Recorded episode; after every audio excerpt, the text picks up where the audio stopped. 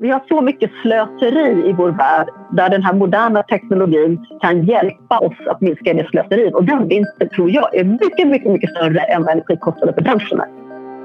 Hej och välkomna! Det här är en industripodd. Vi pratar med kunniga och insiktsfulla människor i svensk industri om sådana frågor som hållbarhet och konkurrenskraft och teknik och material och kompetens. Vi gör detta för att industrin är en grundbult för svensk ekonomi och för att det händer så mycket spännande i industrin. Här sker det innovation och nytänkande, kompetenshöjning och omvärldsblickar. Vi är Susanna Winsenburg och Adam Edström på forskningsinstitutet RISE, Research Institutes of Sweden. Idag ska vi bland annat prata om artificiell intelligens, AI, och om 5G och Internet of Things och annan digital teknik. Och då kommer vi att möta Sara Masur som är ordförande i WASP, alltså Wallenbergsgruppens jättesatsning på AI och autonom teknik. Välkommen till Färdplanspodden. Hej Sara och välkommen till Färdplanspodden. Berätta lite kort om din bakgrund och din roll på WASP. Hej, tack. Jag heter då Sara Maser och sedan 1 januari i år är jag ordförande för WASP-programmet som är Knut Wallis Wallenbergs stiftelsens satsning på AI, autonoma system och mjukvaruforskning. Jag jobbar också åt Knut Alice Wallenbergs stiftelse som ansvarig för de strategiska forskningsprogrammen där då VASP är det största programmet, men jag har även ansvar för program runt till exempel kvantteknologi. Jag har jobbat åt eh, Knut Alice Wallenbergs stiftelse i två år och innan dess jobbade jag på Ericsson i 23 år i, alltid inom eh, R&D och mycket med forskning och teknikutveckling och de sista sex åren på Ericsson som ansvarig för all Ericssons forskning. Och innan jag började på Ericsson så har jag en bakgrund från KTH. Ja, men du som då har den här erfarenheten från både Ericsson och forskarvärlden. Vad menar du att svensk industri verkligen behöver för att kunna bli och förbli konkurrenskraftiga i ett hållbart samhälle? Det jag tycker är så roligt med Sverige det är att vi har ju så många industrier som faktiskt är världsledande inom sina olika sektorer. Och eh, det där är ju någonting som jag och jag tror att jag delar med större delen av Sveriges befolkning att vi verkligen vill ska fortsätta. Att vi har industrier som ligger i framkant som är marknadsledande inom sina sektorer men också teknikledande. Och det som då krävs för att de industrierna ska kunna ligga kvar i den positionen det är att man kontinuerligt jobbar både med att ta till sig ny teknik och också med innovation. Och där har vi varit väldigt duktiga i Sverige och jag hoppas att vi kommer att vara lika duktiga framöver. Och hur kommer hållbarheten in i det här? Nej, hållbarheten är en jätteviktig aspekt som har blivit mycket mer aktuell nu än vad den har varit tidigare. Och det är verkligen ett område där det krävs både innovation, nytänkande och att vi tar hjälp av all teknik vi kan för att kunna ha en så hållbar utveckling som möjligt. Ja, det där kommer vi att komma in mera på tror jag, hur tekniken och hållbarheten hänger ihop. Men jag skulle gärna vilja att du berättar lite om VASP också. För att man fick eh, veta för när ni drog igång att det här är Sveriges största eh, privatfinansierade forskningssatsning någonsin. Och sen så nu har ni börjat nå en massa resultat. Går det så fort som vi som står utanför tycker? Eller kan du ge bilden av hur, hur läget är? Jo, men jag tycker att det har gått väldigt fort. Programmet började 2015 och eh, redan då när det startade så var det faktiskt Sveriges största enskilda forskningssatsning eh, någonsin. När vi började 2015 så hade vi fokus på autonoma system och mjukvara. Och syftet med hela programmet var att bygga kompetens och kunskap till gagn för svensk industri. Och då menar vi industri i väldigt bred bemärkelse. Eh, det vill säga det är allt ifrån eh, traditionell tung industri till IT-industri till bank och finanssektor. Eh, I stort sett alla svenska företag. När vi hade arbetat ett litet tag med programmet så insåg vi att ett område där Sverige verkligen var underkritiska när det gällde den kompetens som behövdes för den här omställningen av industrin och omställningen av våra företag, det området var AI. Och därför beslöts det 2017 när Knut och Alice Wallenbergs stiftelse fyllde 100 år att vi skulle satsa ytterligare en miljard på just AI. Och då blev programmet Wallenberg Artificial Intelligence Autonomous Systems and Software. Så programmet började 2015, vi fick ett stort tillskott 2017 som vi sedan började jobba med eh, 2018. Ja, vi har kommit väldigt, väldigt långt. Jag kan också säga att vi eh, nu har fått ytterligare finansiering och förlängning av programmet. Så att programmet kommer nu att fortsätta till 2029 och har totalt en budget på 5,5 miljarder varav 4,2 miljarder kommer från stiftelsen och sedan kommer eh, resten av finansieringen från universitet och från industri tillsammans. Det är ju en enorm satsning. Hur ska all den här kunskapen komma industrin till godo? Ja, det är det som är så viktigt som vi jobbar med, hur den ska komma industrin till godo. Och det vi finansierar från stiftelsen det är ju grundforskning och väldigt tydligt fokus på excellent grundforskning.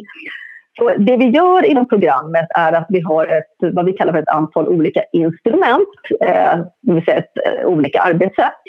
Dels så finansierar vi forskningsprojekt hos de bästa forskarna vi har i Sverige inom områdena AI, autonoma system och mjukvara. Sedan jobbar vi väldigt mycket med internationell rekrytering för att stärka forskningen på våra universitet och högskolor inom områden där vi inte har varit tillräckligt starka i Sverige.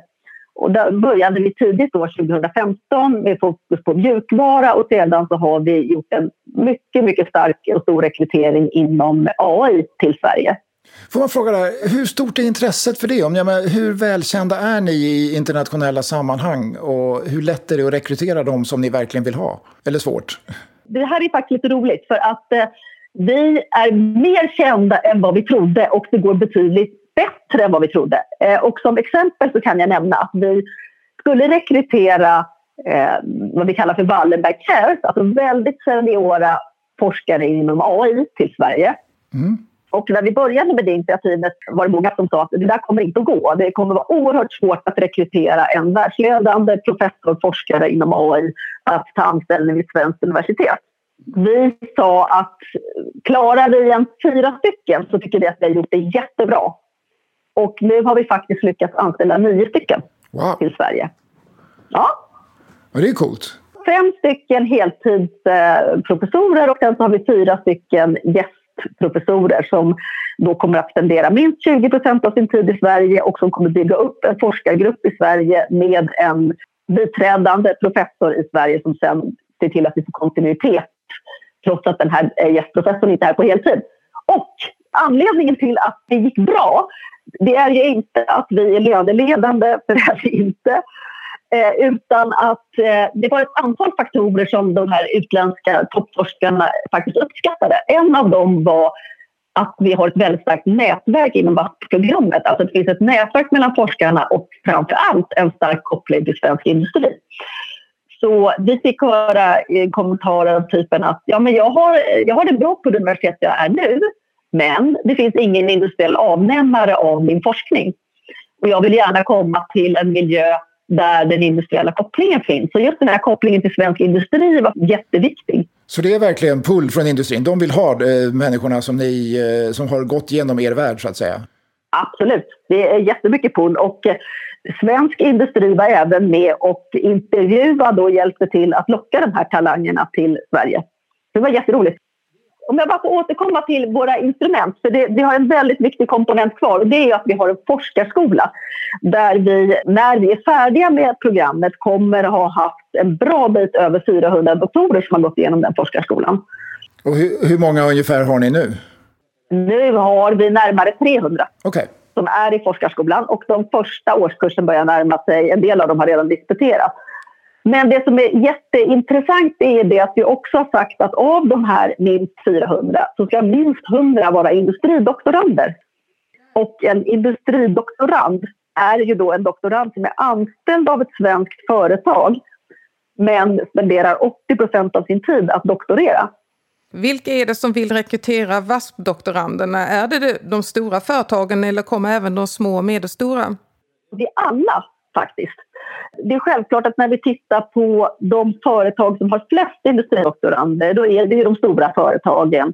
Eh, där har vi till exempel Ericsson, vi har Saab, vi har Scania, vi har Seniority. Men sen har vi hela skalan ner till eh, även mindre företag, riktigt små företag som är med och har industridoktorander i programmet. Om du sätter VASP i ett EU-perspektiv, hur ser det ut då? Finns det någon koppling till något EU-program eller motsvarande? VASP-programmet i sig har ingen koppling till ett EU-program.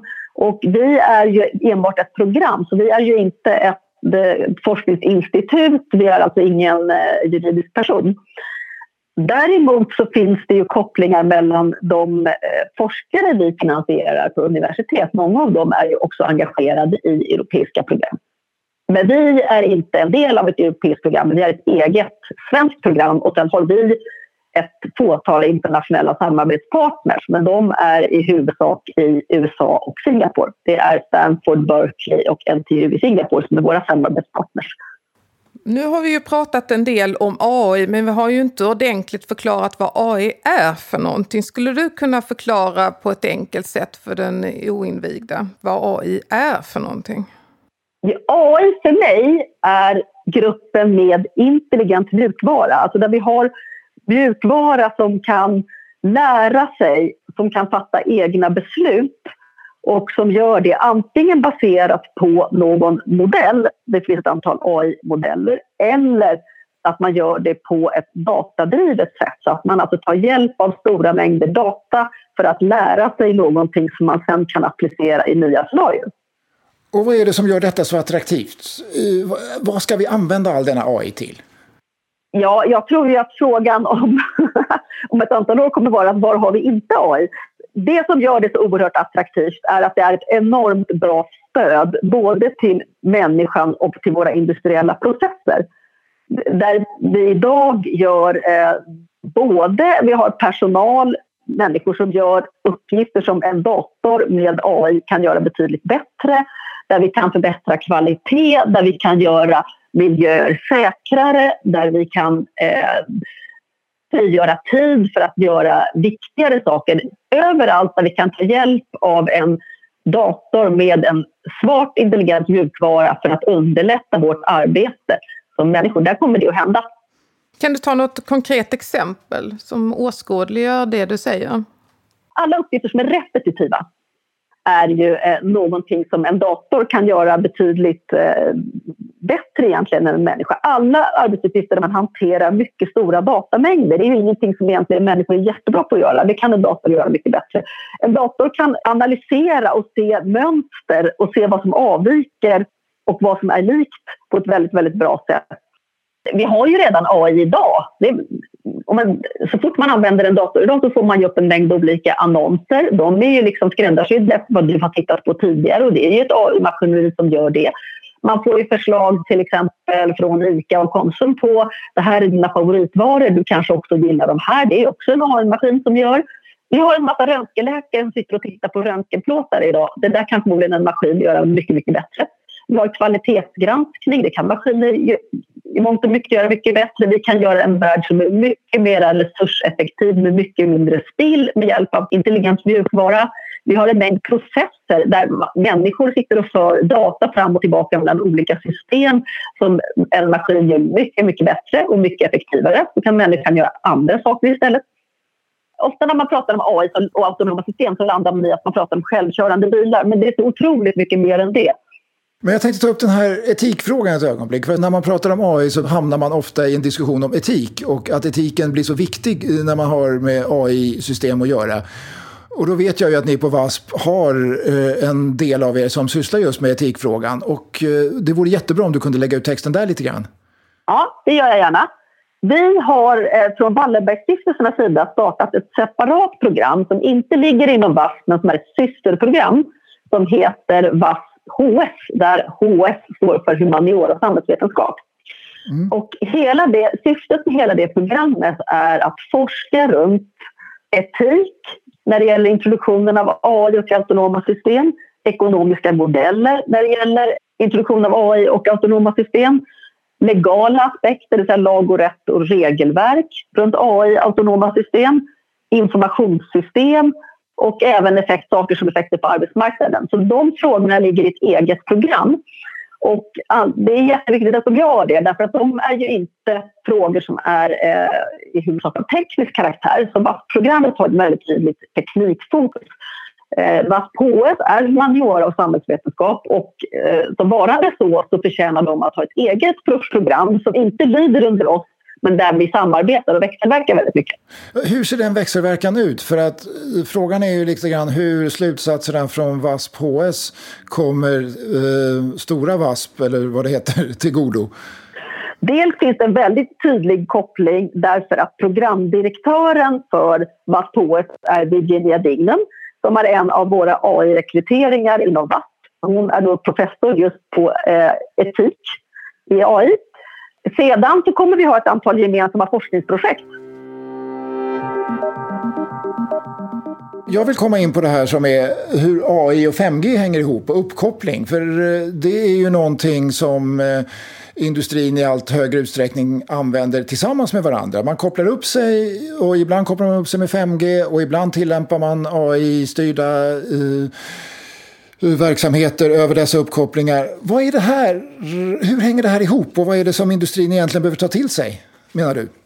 Ja, det finns, eh, när man pratar om transformation av industrin och digitalisering av industrin just för att industrin ska vara konkurrenskraftig för framtiden så finns det ett antal nyckelteknologier som är teknologier som ligger till grunden för hela transformationen och som i, i stort sett är gemensamma för nästan alla industrier. Att man använder, kommer att använda en väldigt liknande teknologibas.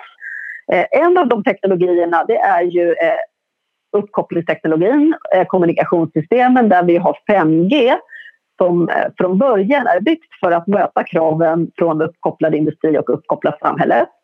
En annan teknologibas det är IoT-teknologier. Alltså alla de teknologier vi har för att bygga sensorer som kan både eh, mäta, kontrollera, styra och monitorera eh, saker på ett väldigt kostnadseffektivt sätt idag. Och även de IoT-plattformar som möjliggör att man kan koppla upp väldigt många enheter. Och sedan så har vi en, en tredje grupp med teknologier som är, är moln och mjukvaruteknologier. Och där ligger dels alla teknologier runt moderna eh, molntillämpningar men också hela den här gruppen med intelligent mjukvara, eh, det vill säga AI, eh, machine learning, deep learning. Och när vi pratar om AI inom VASP så inkluderar vi, då pratar vi om AI i ett brett perspektiv. Så det är både traditionell AI men sen också machine learning och deep learning ganska mycket fokus på machine learning och deep learning faktiskt. Mm. Och om man har då alla de här teknologierna som du precis har nämnt och så lägger man på ett hållbarhetsraster på allt det här. Vad betyder hållbarhet för utvecklingen av de här teknologierna? Jag skulle säga så här att en av de absolut viktigaste aspekterna i den här industritransformationen det är ju hållbarhet. Så det handlar inte bara om att man ska kunna göra saker billigare utan det handlar också om att vi kan göra dem på ett mycket mer hållbart sätt.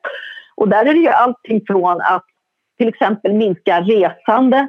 Man behöver inte längre åka runt för att kontrollera och styra saker. Man kan göra det fjärrstyrt. Därifrån till att vi kan ha eh, lösningar och system av system som är optimerade vilket gör att vi kan minska väldigt mycket eh, spill, waste. Mm. Genom att man kan fjärrstyra saker så behöver man ju inte fysiskt vara på samma plats där ett arbete fysiskt utförs. Vilket ju är en enorm skillnad till exempel för en gruva där man ju har autonoma eh, fordon i gruvan som dessutom i framtiden kommer att vara elektrifierade. Eh, bara en sån sak gör att man inte behöver ventilera gruvan. Att man har inga människor i gruvan och man har inga eh, motorer som släpper ut avgaser. Då behöver man inte ventilera och ventilationskostnaden är en jättestor kostnad för gruvan. Vi har även sett fall där man har tittat på tillverkning där man har tillverkat väldigt avancerade till exempel eh, rotorblad då har man tillverkat de här rotorbladen och sen i efterhand har man granskat dem och då sett att man har varit tvungen att passera ett antal av dem för att de inte är perfekta. Mm. Och med hjälp av sådana här uppkopplade smarta system så kan man alltså monitorera den här under tillverkningen och rätta till det innan det går snett. Vilket gör att man inte alls behöver kasta, man får inte alls samma waste. Om man dessutom kopplar ihop detta med additiv tillverkning, alltså 3D-printning, yep. så kommer man i framtiden också kunna tillverka saker nära där det behövs med hjälp av mjukvara och smart mjukvara. Nu med all den här tekniken, vad krävs det för förmågor hos industrin för att kunna ta till sig den och omvandla de här tekniken till eh, nya affärer? Ja, alltså man måste ju lyfta kompetensen i industrin för att kunna ta till sig de här nya teknologierna. Till exempel AI är ju ett sådant område där vi har alldeles för låg kompetens i Sverige. Och det är där programmet är så viktigt. Där hela idén är att vi ska bygga kompetens och kunskap för svensk industri. Och dels är det ju med hjälp av de här industridoktoranderna men tanken är ju även att av de här över 400 doktorerna som vi utbildar i programmet så ska vi locka så många som möjligt att stanna i Sverige. Och när du säger locka så många som möjligt att stanna i Sverige, vad, vad krävs för det? Vi jobbar på flera fronter där. Som ett första steg så erbjuder vi postdoc-paket för de som har tagit sin doktorsexamen inom VASP med repatrieringsstöd. Så det innebär att man åker iväg på en postdoc, eller kan vara två år till exempel på Stanford och sen så har man, vet man att man har finansiering säkrad för att komma hem och bygga en forskargrupp i Sverige.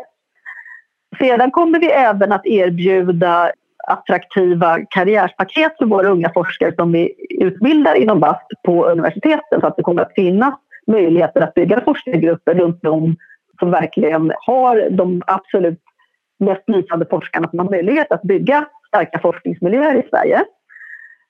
Sedan så är det så att av de här 400 så är det ju långt ifrån alla som ska till akademin. Det är tvärtom. De flesta ska ju till industrin.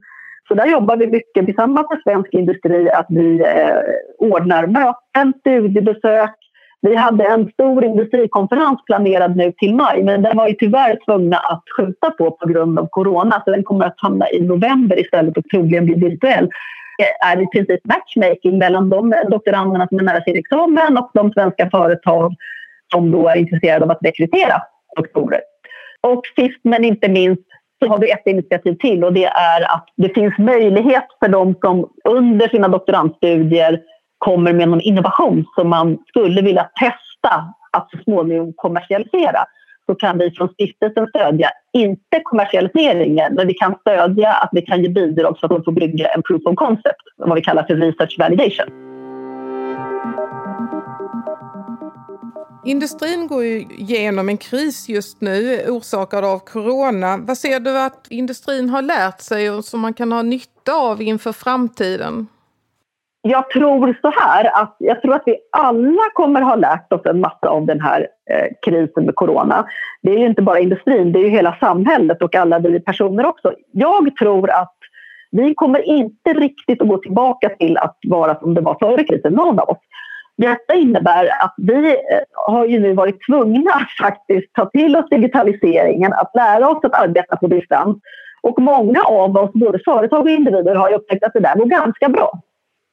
Det ersätter inte fullt ut fysiska möten, men det finns väldigt mycket man kan göra faktiskt utan att vara på samma plats rent fysiskt. Och det här är något som jag tror att vi kommer att ta med oss i mycket större utsträckning. Jag skulle tro att man till exempel eh, Många företag kommer att fundera över hur mycket kontorsyta behöver man egentligen i framtiden? Givet att alla kanske inte behöver vara på jobbet varje dag. Sen finns det andra frågor som är superkritiska för industrin och inte minst tillverkningsindustrin. Där vi har sett att det finns en sårbarhet inbyggd i att man väldigt mycket har baserat sina supply chains på att man har dels har man just-in-time delivery av alla komponenter och dels så har man komponenter som kommer från många leverantörer som sitter på andra sidan jorden och dels har man väldigt mycket produktion utomlands. Och det vi har lärt oss av det här är att vi kanske inte riktigt tog höjd för att en sån här kris skulle kunna inträffa. Alltså vi har varit från industrins sida väldigt inriktad på att ha den mest kostnadseffektiva lösningen och när vi gjorde det så var vi sårbara för en sån här global kris. Jag tror att man i framtiden kommer att bygga ett system som är mindre sårbart genom att man har flera leverantörer som kanske inte enbart är till exempel i Asien. Vi har också med modern teknologi, om vi nu använder allt det här vi pratade om, uppkopplade system, vi pratade om IoT, vi pratade om intelligent mjukvara, om vi använder det för att bygga riktigt smarta produktionsanläggningar så kan vi faktiskt flytta hem en massa produktion till Sverige utan att det behöver bli så väldigt mycket högre kostnad för det.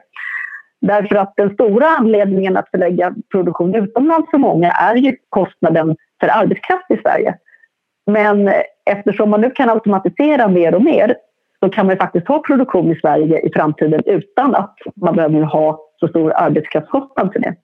Jag tror att vi kommer se ett scenario där man gör ett omtänk runt vilka, varifrån köper man sina kom komponenter, var har man sin tillverkning och hur bygger man ett, ett system som är tåligare för en sån här kris. Och där undrar jag då, eh, för nu är vi ju i ett skede där 5G faktiskt kommer, håller på att hända i Sverige och det finns industrier som börjar använda 5G och koppla upp sig och öka sin uppkopplingskapacitet.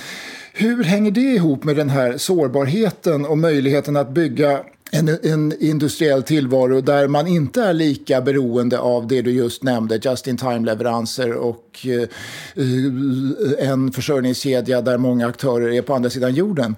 Kan man använda bättre uppkoppling för att skapa bättre eh, tålighet, mer robusthet? Absolut.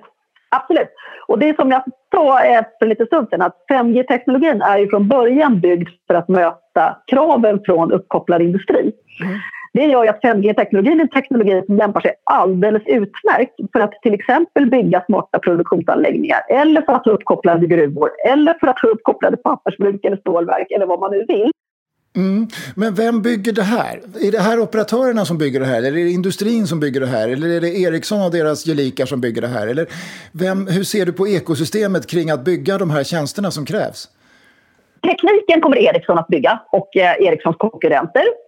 Det som vi inte riktigt har, det som inte riktigt har, blivit, har kristalliserat ut sig än är exakt hur affärsmodellen ser ut. Mm.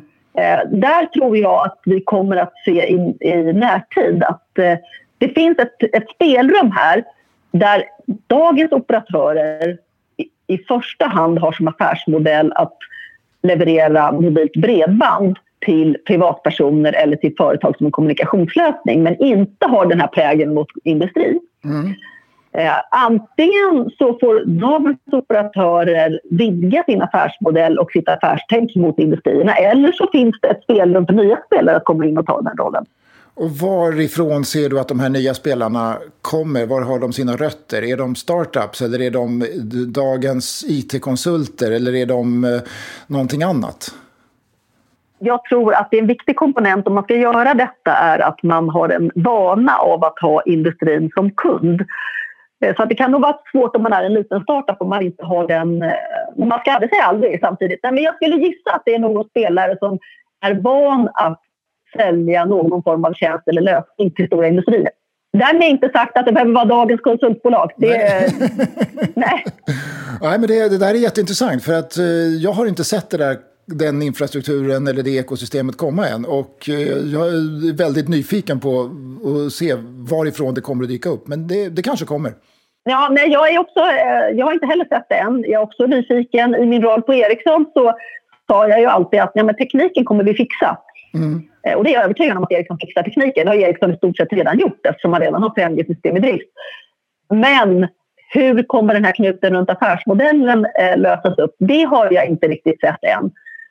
Nej, intressant. Om vi går över och pratar lite om offentlig sektor. Hur skulle offentlig sektor kunna bli effektivare med hjälp av AI och, och andra tekniker? Det är, det är, i stort sett samma fråga som för industrin. Alltså offentlig sektor har samma grundbehov som vilken industri som helst när det gäller de moderna teknologierna. Så det är 5G, det är IoT-teknologier, det är moln och mjukvaruteknologier. Men det finns jag tror att det finns otroligt mycket att göra inom offentlig sektor där vi tyvärr inte alls har kommit tillräckligt långt. Alltså det är ju bara att titta på hälso och sjukvård där man känner att det finns väldigt mycket att göra runt hur vi kan göra systemen mera effektiva men också förbättra kvaliteten både för de som använder vården och även för vårdgivarna. Och jag tror att nyckeln är modern teknologi. Mm. Och om du skulle ge ett medskick till offentlig verksamhet, vad skulle de kunna göra för att accelerera en hållbar konkurrenskraft? Ja, mitt medskick skulle vara att jag ser en vit fläck när det gäller finansiering av forskning och det är just hur de här teknologierna kommer till gagn för offentlig sektor. Det täcker vi inte inom VASP och det har inte jag sett täckt av någon. Där tycker jag att det borde tillkomma offentlig finansiering för att göra detta. Men du ser inga sådana tendenser eller? Jag ser behovet. Jag tror att många ser behovet. Jag ser ingen stor finansiering. Om vi nu säger att VAP-programmet har en finansiering på 5,5 miljard till gagn för svensk industri så borde det rimligen vara så att det finns ett program till gagn för svensk offentlig sektor med en, inte 5,5 miljard, men med en rätt stor summa pengar. Jag ser inte det programmet. Men skulle det här vara en, rymmas inom ramen för Vinnovas uppdrag till exempel? Det skulle kunna göra det. Det är ju en fråga för våra eh, beslutsfattare. Både att avsätta medlen för detta och sen också välja vilket instrument man använder. Mm. Så det skulle mycket väl kunna rymmas inom ramen för Vinnova men då kommer Vinnova behöva ökad finansiering och förmodligen också en något förändrad uppdragsbeskrivning.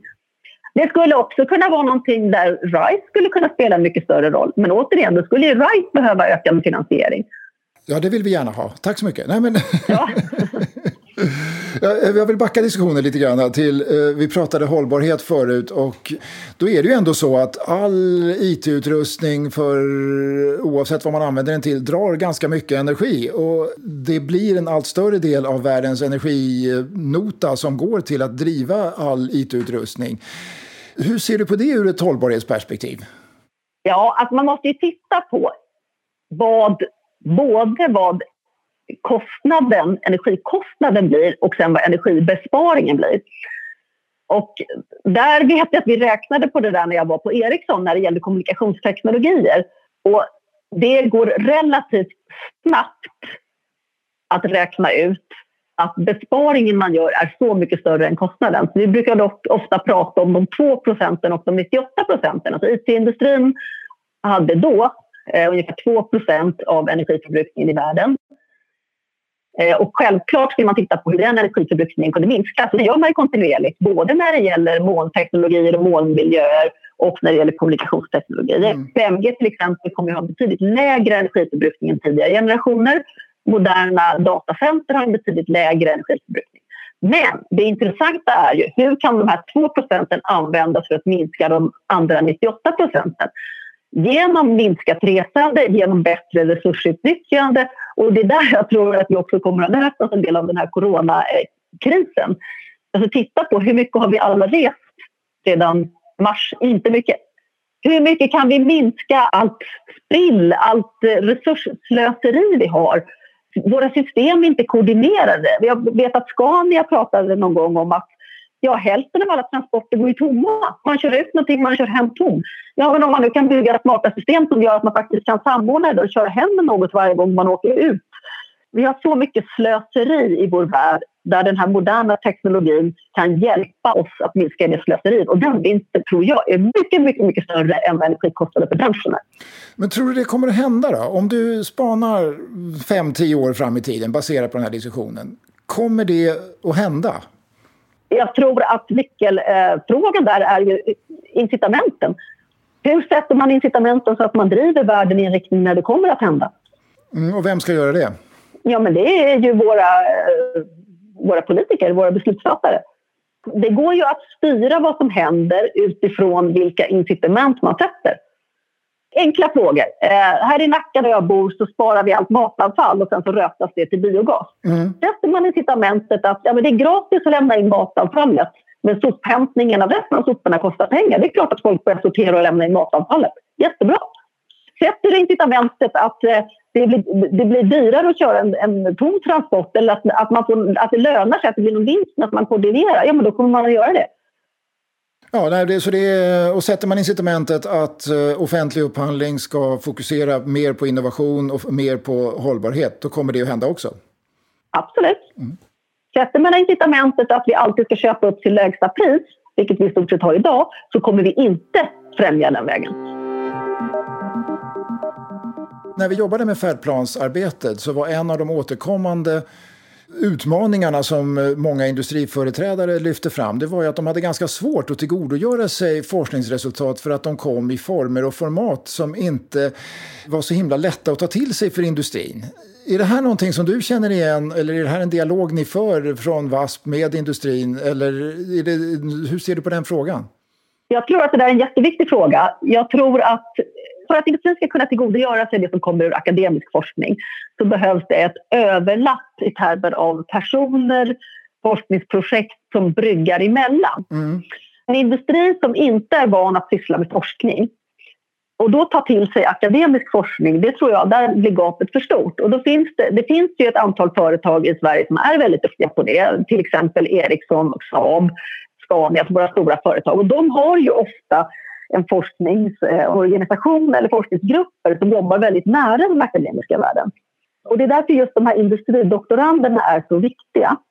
Dels bryggar de själva emellan sitt företag och den akademiska världen där de då doktorerar. Dels ingår de i nätverket. Så att de här doktoranderna som går i forskarskolan de bygger ett jättestarkt nätverk så de kommer ju känna varandra. De talar samma språk. För det handlar mycket om att man talar olika språk. Om man kommer helt från den akademiska världen och helt från industrivärlden så är det inte säkert att man ens förstår varandra. För man pratar om lite olika saker. Och där kommer de här personerna som har en vana att röra sig emellan och brygga det. Jag tror att andra saker vi ska titta på i Sverige det är hur får vi ökad mobilitet, alltså personmobilitet mellan akademi och industri. Mm. Vi har idag möjlighet att adjungera professorer till universiteten men det är ju då en 80-20 tjänst. Så att personen i fråga är anställd 100% av industrin, får vara professor 20% av sin tid. Men idag får man, blir man ju närmast bestraffad om man eh, lägger halva sin tid i akademin och andra halvan i industrin. Ja, exakt. Det var det jag skulle komma till. Att tittar vi på till exempel USA, det finns ju 50-50 tjänster där. Och då handlar det både om att, att industrin ska värdesätta att man har en, en forskare som då forskar akademiskt 50 av sin tid.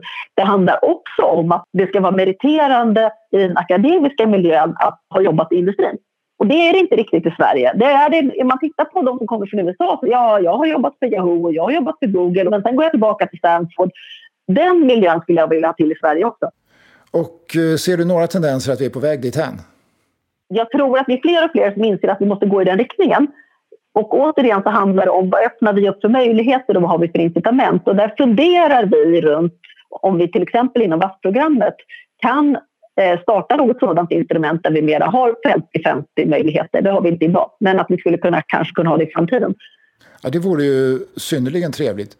Jag måste bara få säga en sak till. Och det, du är så otroligt entusiastisk, eh, när, du låter så otroligt entusiastisk när du pratar om VASP. Är, är det det roligaste du har gjort?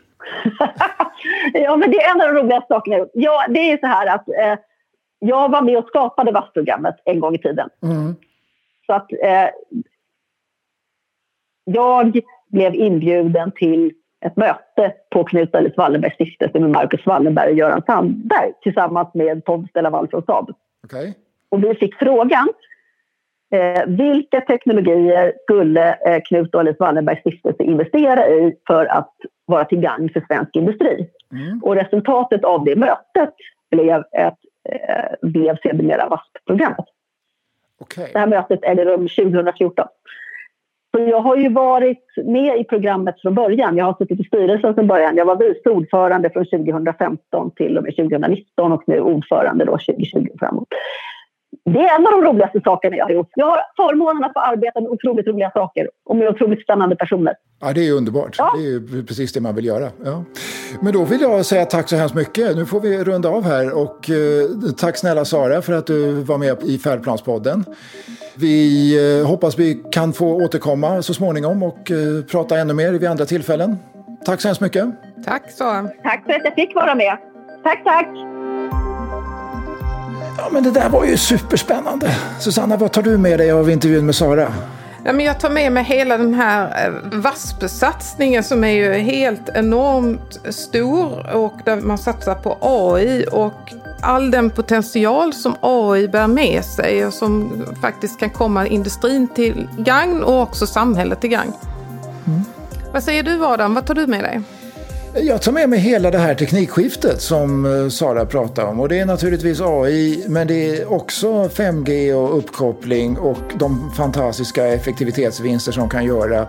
Och eh, vilken potential det har för att öka hållbarheten. Ta bort alla det som Sara kallar för waste, alltså det som är eh, svinn. Minimera det både när det gäller material och när det gäller energiåtgång. Och att eh, det finns en sån otrolig teknikoptimism här som eh, vad jag förstår håller på att sugas upp av industrin så att industrin verkligen kommer att använda de här teknologierna i allt större utsträckning. Tack för att du lyssnade på Färdplanspodden. Om du vill veta mer om färdplan så föreslår jag att du går in på www.ri.se och slår in ordet färdplan och eh, där finns rapporten, där finns eh, broschyren och mycket mer information om färdplan. Tack för idag!